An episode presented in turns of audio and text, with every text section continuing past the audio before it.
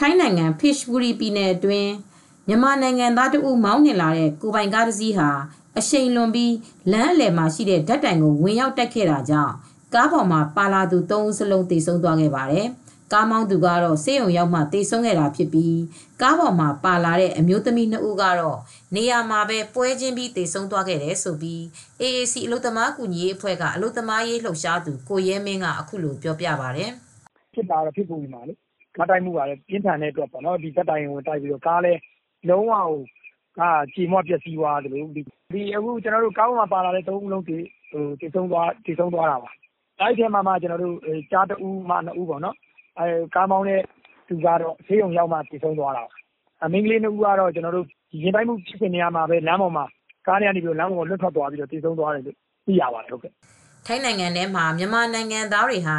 ရင်တိမ်မှောက်တာတွေ မကြာခဏဖြစ်ပြီးတရားမဝင်မြန်မာနိုင်ငံသားတွေတဲဆောင်လာတဲ့ကားတွေဟာစစ်စေးရေးဂိတ်တွေကိုရှောင်မောင်းရင်းနဲ့ရင်တိမ်မှောက်မှုတွေရင်တိုက်မှုတွေဖြစ်ပေါ်နေတာကြောင့်နင့်နာကြီးရအောင်ဆောင်ရွက်ပေးခဲ့ရတာတွေလည်းရှိတယ်ဆိုပြီးကိုရဲမင်းကပြောပြပါဗျ။တရားမဝင်ကိုဝင်လမ်းကြောင်းတွေကနေကားတွေနဲ့သွားတဲ့အခါမှာလည်းကားတိမ်မှောက်မှုတွေကားတိုက်မှုတွေဖြစ်နေအကြာခဏဖြစ်တယ်အဲကျွန်တော်တို့ဒီပြီးတော့ဒီမြန်မာပြည်သားတွေဒီလမ်းကြီးတွေသွားတဲ့ခါတွေမှာလည်းဒါဖြစ်ကြတယ်အခုဆိုလာအခုဒါနဲ့ကျွန်တော်တို့နှစ်တကူပီမိုင်းတွေ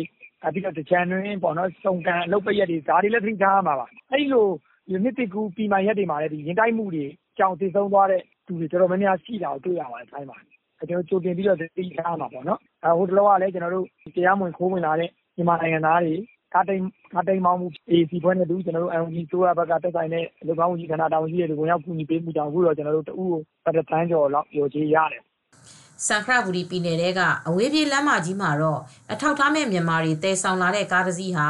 ဩဂုတ်လ28ရက်နေ့မနက်4နာရီကျော်အချိန်မှာတိမ်းမောက်ခဲ့တာကြောင့်တရားမဝင်မြန်မာလူသမား4ဦးသေဆုံးခဲ့ပြီး9ဦးကပြင်းထန်တဲ့ဒဏ်ရာတွေရခဲ့ပါတယ်။ထိုင်းနိုင်ငံနကွန်စီထာမရပြည်နယ်ထဲမှာလည်းဩဂုတ်လ18ရက်နေ့ကတရားမဝင်မြန်မာ30ကျော်ကိုတင်ဆောင်လာတဲ့ကားတိမ်းမှောက်ခဲ့တာကြောင့် မြန်မာ3ဦးပွဲချင်းပြီးတေဆုံးခဲ့ပြီး4ဦးကပြင်းထန်တဲ့ဒဏ်ရာတွေရခဲ့ပါတယ်။ထိုင်းနိုင်ငံထဲမှာလူမှောင်ခိုသမားတွေတဲဆောင်လာတဲ့ကားတွေက